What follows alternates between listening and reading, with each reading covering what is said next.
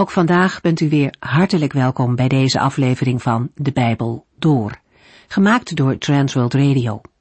Voor meer informatie kijkt u dan op onze website transworldradio.nl.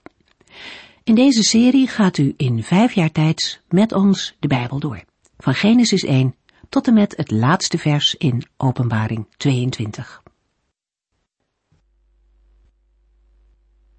We maakten de vorige keer al een begin met het vierde hoofdstuk van Hosea en daar gaan we vandaag mee verder. Vanaf dit hoofdstuk komt het persoonlijke leven van de profeet Hosea en zijn vrouw Gomer minder naar voren. Het gaat nu meer over de Here en zijn relatie met het overspelige Israël. In opdracht van God begint de profeet hier met een scherpe oordeelsprediking. De priesters krijgen het grootste verwijt, omdat zij het volk moesten leiden in de dienst aan God. Dat hebben ze niet gedaan. Juist deze geestelijke leidsmannen gingen Israël voor in de heidense afgoderij. In Hosea 4 zien we verschillende keren het belang van het kennen van God. Enerzijds weten we dat de Heere ons door en door kent. Denk maar aan Psalm 139. Heere, u doorgrondt en kent mij. Dat is een prachtige bemoediging. Maar er is ook een andere kant. De Heere wil ook graag dat wij Hem kennen. Dat we Zijn gedachten, zoals Hij die heeft opgetekend in de Bijbel, leren kennen en begrijpen. Dat gaat veel en veel verder dan verstandelijke of oppervlakkige kennis. Met kennis van God gaat het om een diepe persoonlijke relatie, een kennen met het hart. Het Hebreeuwse woord voor deze kennis geeft ook de meest intieme relatie aan tussen een man en een vrouw. En in Israël ging het juist op dat punt mis, met alle gevolgen van dien. En voor ons is het net zo belangrijk om de Bijbel te openen en zo de Here te leren kennen. Met eigen gedachten en ideeën over God en zijn wil komt de mens niet veel verder. Maar in zijn woord laat de Heere zien wie hij is. Wij zijn bevoorrecht dat we in alle vrijheid ons bezig kunnen en mogen houden met dit woord. Laten we er dan ook volop gebruik van maken. Corwijda neemt u nu verder mee in Hosea hoofdstuk 4. De vorige uitzending sloten we af met het lezen van Hosea 4 vers 6. Mijn volk komt om van ellende, omdat het mij niet meer kent. En dat is uw schuld, priesters, want u wilt mij niet kennen. Daarom weiger ik u nog langer te erkennen als mijn priesters, omdat u mijn wetten verwaarloosd hebt, zal ik uw kinderen verwaarlozen. Als de geestelijke leiders de Heeren niet meer kennen, dan worden leiders verleiders. Als geestelijke leiders Gods wetten verwaarlozen, is het hek van de dam en zijn de gevolgen desastreus. Dan kan het begin van zo'n weg wel goed lijken en zal er een goed bedoelde bewogenheid achter zitten, maar het einde van die weg voert naar de dood, naar de eeuwige ondergang. Trouwens, het volk heeft weinig reden om de priesters iets te verwijten. Want het omgekeerde is ook waar. Zo priester, zo volk, zegt de Heer. In Hosea 8 vers 1 tot en met 3 lezen we, Blaas op de hoorn, sla alarm. Als een arend stort de vijand zich op het volk van God, omdat het zijn verbond heeft verbroken en tegen zijn wetten in opstand is gekomen. Nu bidden en smeken de Israëlieten, Mijn God, help ons, u bent immers onze God. Maar het is te laat. Israël heeft haar kans moedwillig voorbij laten gaan en wordt nu door haar vijanden achtervolgd. De lessen die Israël hier moet leren zijn ook lessen voor ons. Er is alle reden om ons persoonlijk en gemeentelijk leven door te lichten vanuit Hosea 4. Zo priester, zo volk. Zo volk, zo priester. Het geeft leidinggevende in de gemeente van Christus een verantwoordelijke positie. Predikant en ambtsdrager te zijn in een gemeente van Christus is een grote verantwoordelijkheid.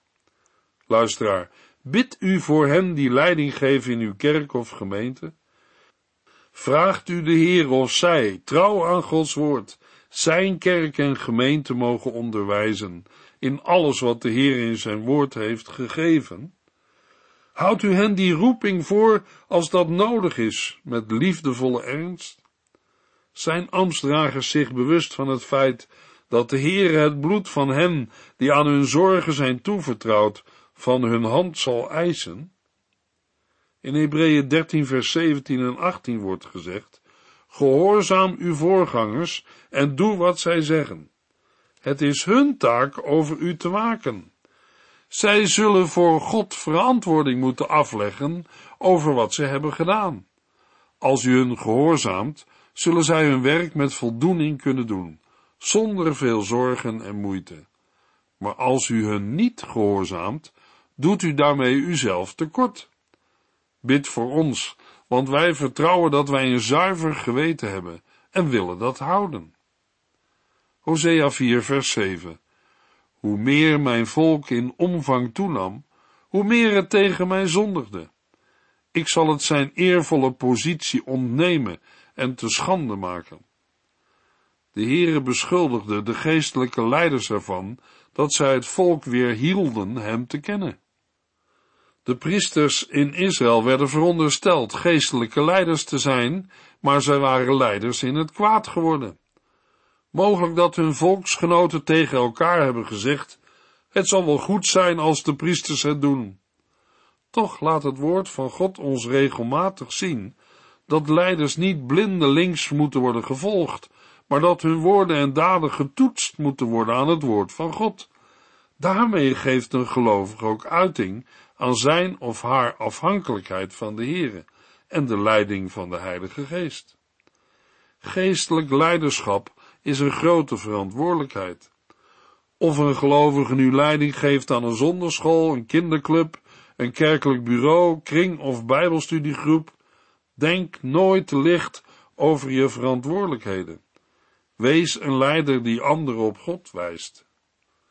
Hosea 4 vers 8 De priesters verheugen zich over de zonden van het volk. Daar leven zij van en ze hebben een onverzadigbaar verlangen naar meer. De priesters hadden genoegen in de zonden van het volk. Waarom? Nou, elke keer als iemand een zondoffer bracht, kreeg de priester er een deel van. Hoe meer het volk zondigde, hoe meer de priesters kregen.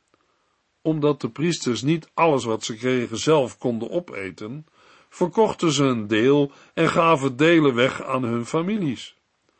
Zo profiteerden de priesters van de aanhoudende zonde.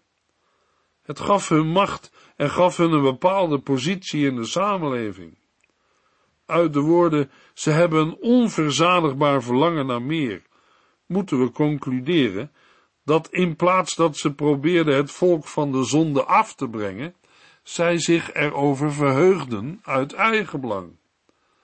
De richtlijnen voor het deel van de priesters lezen we onder andere in Leviticus 6 vers 26. Uit Hosea 4 vers 8 krijgen we een beeld van de schandelijke manier waarop het ambt van priester werd opgevat in de tijd van Hosea.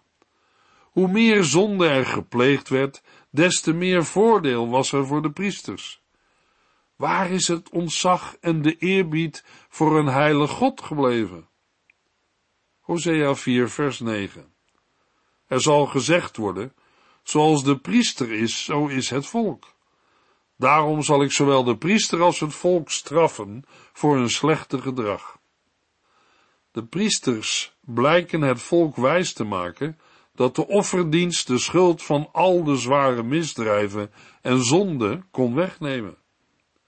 Maar de wet van God leerde dat door de offers alleen de zonden werden verzoend die uit menselijke zwakheid waren bedreven. In Leviticus 4 vers 1 en 2 lezen we, toen gaf de Heere de volgende opdrachten aan Mozes. Vertel het volk Israël dat dit de regels zijn voor hen die onopzettelijk mijn wetten overtreden. In vers 9 wordt duidelijk dat de Heere de priesters hun handel en wandel zal vergelden. Hosea 4 vers 10 Hoewel zij eten, zal het hongergevoel niet verdwijnen. Zij zullen grote zaken doen in de prostitutie, maar toch geen kinderen krijgen want zij hebben verzuimd om mij, de Heere, te vereren. De straf die in vers 10 wordt uitgesproken, is de zogenaamde zinloosheidsstraf. Wat zij ook doen om er zelf beter van te worden, het zal alles zinloos blijken te zijn. Het zal hen niets opleveren. Ze kunnen eten wat ze willen, maar ze zullen hongerig blijven. Ze kunnen zelfs, volgens de Canaanitische vruchtbaarheidsrituelen, prostitutie en ontucht bedrijven om nakroos te verwekken, maar toch geen kinderen krijgen. Dat is de straf voor priesters die in de uitoefening van hun ambt hebben verzuimd om de Here te vereren. De ontucht en prostitutie is beeld van de trouweloosheid van de priesters ten opzichte van de Here, maar duidt tegelijk op de gewijde prostitutie die in de Baaldienst met tempelprostituees werd bedreven. Hosea 4 vers 11 Wijn en vrouwen hebben mijn volk van het verstand beroofd. In de versen 11 tot en met 14 worden de gevolgen getekend die het optreden van de priesters heeft voor het volk. Er is godsdienst genoeg. Op elke bergtop is wel een offerplaats te vinden, en waar een paar bomen staan is ook wel een gelegenheid om een godsdienstoefening te houden. Maar wat is het voor godsdienst? Wat gebeurt er op de bergtop en onder de schaduw van eiken, populieren en terebinten? In Hosea 4 vers 12 lezen we over het volk. Het vraagt nu aan een stuk hout wat het moet doen, en het leest de toekomst af aan houten stokjes. Hun verlangen naar afgoden heeft hen aan het dwalen gebracht, want ze hebben overspel gepleegd door andere goden te dienen en mij te verlaten. Bij de woorden een stuk hout en het aflezen van houten stokjes zullen we moeten denken aan houten afgodsbeelden en aan een soort toverstokjes. Bij de toverstokjes moeten we denken aan het heidense gebruik om uit het neervallen van staande stokken de wil van de Godheid af te lezen. De Heere zegt, daar hebben zij mij nu voor ingeruild. In plaats van de levende God naar de toekomende dingen te vragen, vragen ze een stuk dood hout, een afgod. Hoe is dat toch mogelijk? Hun verlangen naar afgoden heeft hen aan het dwalen gebracht. Israël weigert de Heere alle gehoorzaamheid door een geest van ontucht, die een appel doet op hun zondige aard en kans ziet om de zonde aantrekkelijk voor te stellen. Op de achtergrond van Israëls zonden zien we het gebrek aan kennis van Gods woord. In de zonde zit altijd iets van een roes en verdoving, waardoor mensen komen tot dingen waarvan ze achteraf zeggen: Wat ben ik dwaas geweest? Wat was ik blind? Waar had ik mijn verstand? Maar in de schaduw van de bomen was het zo goed en zo aangenaam voor een hunkerend mens. En zo werd de levende God ingeruild voor afgoden van hout en steen. En de zonde werd gediend. Wijn en vrouwen hebben mijn volk van het verstand beroofd. De priesters keurden dat niet alleen goed, maar stimuleerden het zelfs. Het was een godsdienst naar de mens. Hoe het eraan toe ging? Hosea 4 vers 13 Zij brengen op de bergtoppen offers aan de afgoden.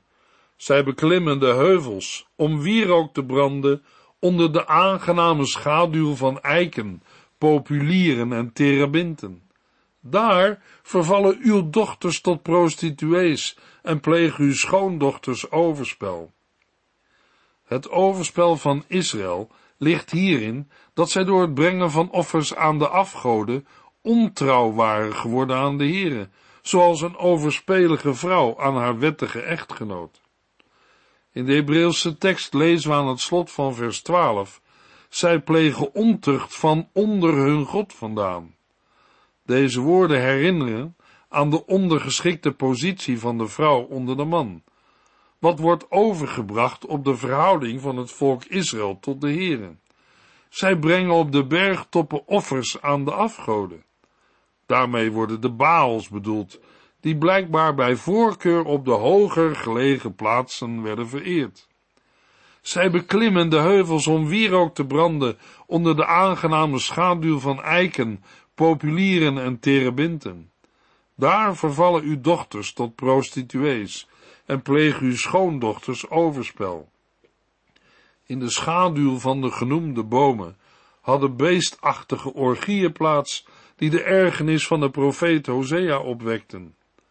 Het heeft niet eens zin om de dochters en de jonge meisjes vanwege hun zondige leven te straffen, want hun ouders en de priesters doen het ook. Hosea 4 vers 14 Maar waarom zou ik hen straffen? Want u mannen doet precies hetzelfde door naar de hoeren en de tempelprostituees te gaan.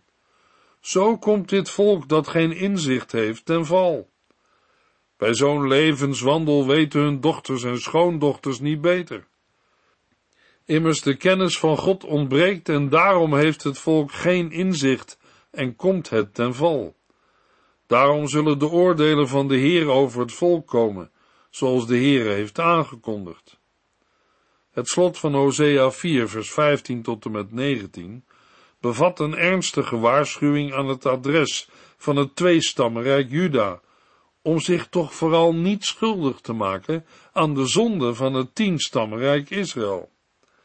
Er is blijkbaar een duidelijk verschil in levensstijl tussen de beide koninkrijken. Maar het gevaar zit erin dat Juda dezelfde weg opgaat als het te veel contact zoekt met Israël, of zoals Israël ook wel genoemd wordt, naar de voornaamste van de tien stammen, de stam Ephraim. Hosea 4 vers 15 Maar al gedraagt Israël zich als een prostituee, laat Juda zich tenminste verre houden van een dergelijk leven. O Juda, doe niet mee met hen die mij in Gilgal en Bethel zo schijnheilig dienen. Als u zweert, zeg dan niet zo waar als de Heere leeft. Van de individuele Israëlieten en de priesters verschuift in vers 15 de aandacht naar twee broedervolken, Israël en Juda. De Heere waarschuwt het zuidelijke tweestammenrijk Juda dat zijn priesters zich niet moeten gaan gedragen als de priesters van Israël. Israëls priesters die in het noorden bleven wonen, hadden hun geestelijke erfenis vergeten en zich verkocht aan de verering van Baal. Ze werkten mee aan de afgodendienst en tempelprostitutie. Israël zou zijn straf niet ontlopen, maar Juda wel, mits zij het voorbeeld van Israël niet volgden. Want waar je mee omgaat, daar word je mee besmet. O Juda, doe niet mee met hen die mij in Gilgal en Bethel zo schijnheilig dienen. Hou je er verre van. Kom niet in Israël. Ga niet op bezoek in plaatsen waar de zonde wordt gediend. Voor je er erg in hebt, word je meegezogen. In andere vertalingen vinden we voor de plaats Bethel de naam Bet-Aven.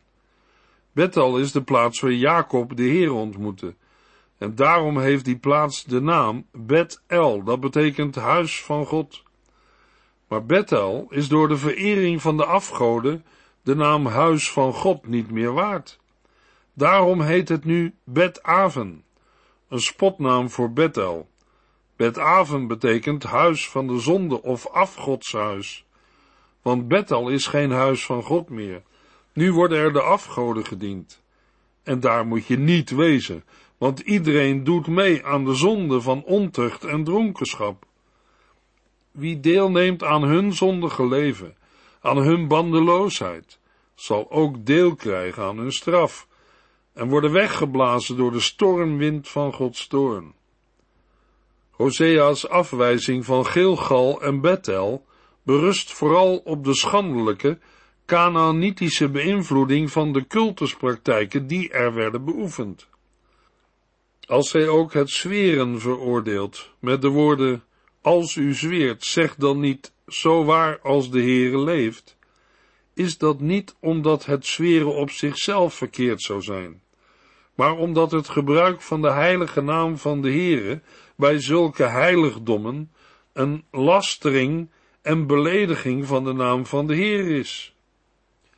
Hosea 4 vers 16 Wees niet als Israël, koppig als een koe die weigert in te gaan op de pogingen haar naar de grazige weide te leiden, of als een schaap dat ik de ruimte wil geven. Vers 16 is geen voortzetting van vers 15, maar sluit eerder aan bij het motief van de ontucht in de versen 11 tot en met 14. Uit het ontuchtige, trouweloze gedrag van de Israëlieten blijkt dat zij ten opzichte van de Here zo koppig zijn als een koe die weigert in te gaan op de pogingen haar naar de grazige weide te leiden. Ze weigeren zich te laten leiden door de Here. En als ze zich zo koppig tegenover de Here gedragen, mogen zij dan van hem verwachten dat hij hen leidt naar de grazige weide? De Heere wil hen de ruimte geven als de herder in Psalm 23. Maar Israël weigert als een koppige koe. Hosea 4 vers 17 en 18. Laat haar maar gaan. Zij is verknocht aan afgoderij. Nauwelijks hebben Israëls mannen hun roes uitgeslapen, of ze gaan naar de hoeren. Zij verlangen meer naar schande dan naar eer. In de versen 17 en 18 wordt nog eens herhaald wat al in de versen 11 tot en met 14 als bewijs van Israëls afdwalen van de Heer is aangevoerd. In vers 16 is Israëls koppigheid genoemd en in vers 17 de afgoderij van Israël. Na het ontmaskeren van het eerste kwaad, de afgodendienst, zegt Hosea, laat haar maar gaan. Dat wil zeggen dat Israël wordt overgegeven aan een eigenzinnig leven zonder God. Een leven dat het volk onherroepelijk naar de ondergang voert. Dat blijkt uit de woorden van vers 18. Hosea 4, vers 19. Daarom zal een sterke wind hen wegvagen. Zij zullen in beschamende omstandigheden sterven, omdat ze aan de afgoden hebben geofferd. Als straf gebruikt de Heer een sterke wind om de zondaars weg te vagen. De conclusie is, zij zullen in beschamende omstandigheden sterven, omdat ze aan de afgoden hebben geofferd. Hun Canaanitische godsdienst zal hen in die nood geen enkele hulp bieden. Israël heeft de schande lief boven de heerlijkheid van God. Met hun zedeloosheid en goddeloze levenswandel beledigen en besmeuren zij de naam van de Heere. Er valt nog een enkel lichtstraaltje in de duisternis van Hosea 4. Midden tussen de aanklachten van de Heere lezen we nog een aantal keren mijn volk. Nog spreekt de Heere van mijn volk. Ondanks alles gedenkt de Heere zijn verbond. En ook als de Heere hem wegjaagt, de ruimte in, zoals we lezen in vers 16, waarbij we moeten denken aan de ruimte van de ballingschap, dan nog klinkt er iets van ontferming in de woorden van de Heere. Want we lezen in vers 16 niet dat de Heere zijn volk wil wegjagen. Nee, de Heere wil hen naar grazige weiden leiden.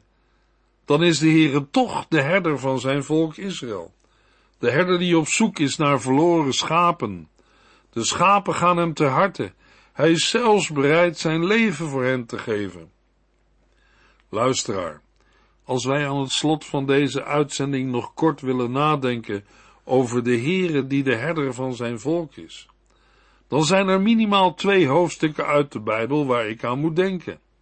Het zijn bekende hoofdstukken, maar ze helpen om te zien dat de Heer een echte herder is en geen huurling, maar ook dat de Heer er alles aan heeft gedaan en doet om zijn schapen veilig bij hem te brengen.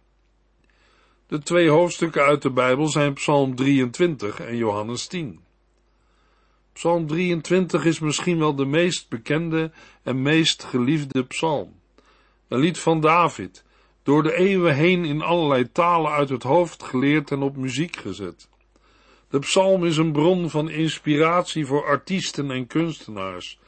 Voor gelovigen biedt de psalm troost en bemoediging. Onafhankelijk van eigen tijd en cultuur mag een gelovige zich herkennen in het vertrouwen van David en dit vertrouwen zich eigen maken.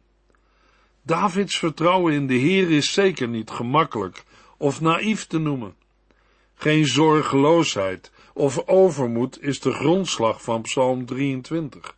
maar een persoonlijk kennen en volgen van de Heere. Zelfs te midden van tegenslag en gevaar.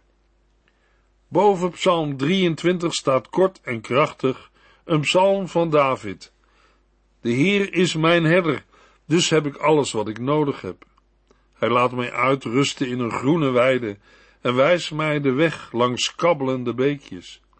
Hij verfrist mijn innerlijk en leidt mij op de weg waar zijn recht geldt, tot eer van zijn naam. Zelfs als ik door een donker dal moet lopen, ben ik niet bang, want u bent dicht bij mij. Uw herdersstaf beschermt mij en begeleidt mij heel de weg. U bereidt een feestmaal voor mij, waar mijn vijanden bij zijn. U zalft mijn hoofd als bij een persoonlijke gast, mijn beker vloeit over van uw zegen. Uw goedheid, liefde en trouw mag ik mijn hele leven ervaren, en daarna mag ik voor eeuwig bij u wonen in uw huis. Het is deze herder, de Heere die zijn volk Israël en u, jou en mij zoekt en wil vinden. Laten we luisteren naar wat Heer Jezus Christus tegen Joden en niet-Joden zegt over zichzelf in Johannes 10, vers 7 tot en met 9. Wat ik u zeg is de waarheid. Ik ben de deur van de schaapskooi. Al die zogenaamde profeten en verlossers zijn dieven en rovers. Maar de schapen hebben niet naar hen geluisterd. Ik ben de deur, en wie door mij binnenkomt, zal gered worden. Luisteraar, is de Heere ook uw herder? In de volgende uitzending lezen we verder in Hosea 5. U heeft geluisterd naar De Bijbel Door. In het Nederlands vertaald en bewerkt door Transworld Radio. Een programma waarin we in vijf jaar tijd de hele Bijbel doorgaan. Als u wilt reageren op deze uitzending of u heeft vragen, dan kunt u contact met ons opnemen. Tijdens kantooruren kunt u bellen op 0342 478432. 0342 478432. Ook kunt u een e-mail sturen naar de en natuurlijk kunt u ook via de post ons bereiken. TWR, postbus 371, postcode 3770, AJ in Barneveld. Dit programma werd gepresenteerd door Cor Weda en Ike André. Techniek was in handen van Odin van Voerkom. En wij allemaal bedanken u voor het luisteren. Graag tot de volgende keer.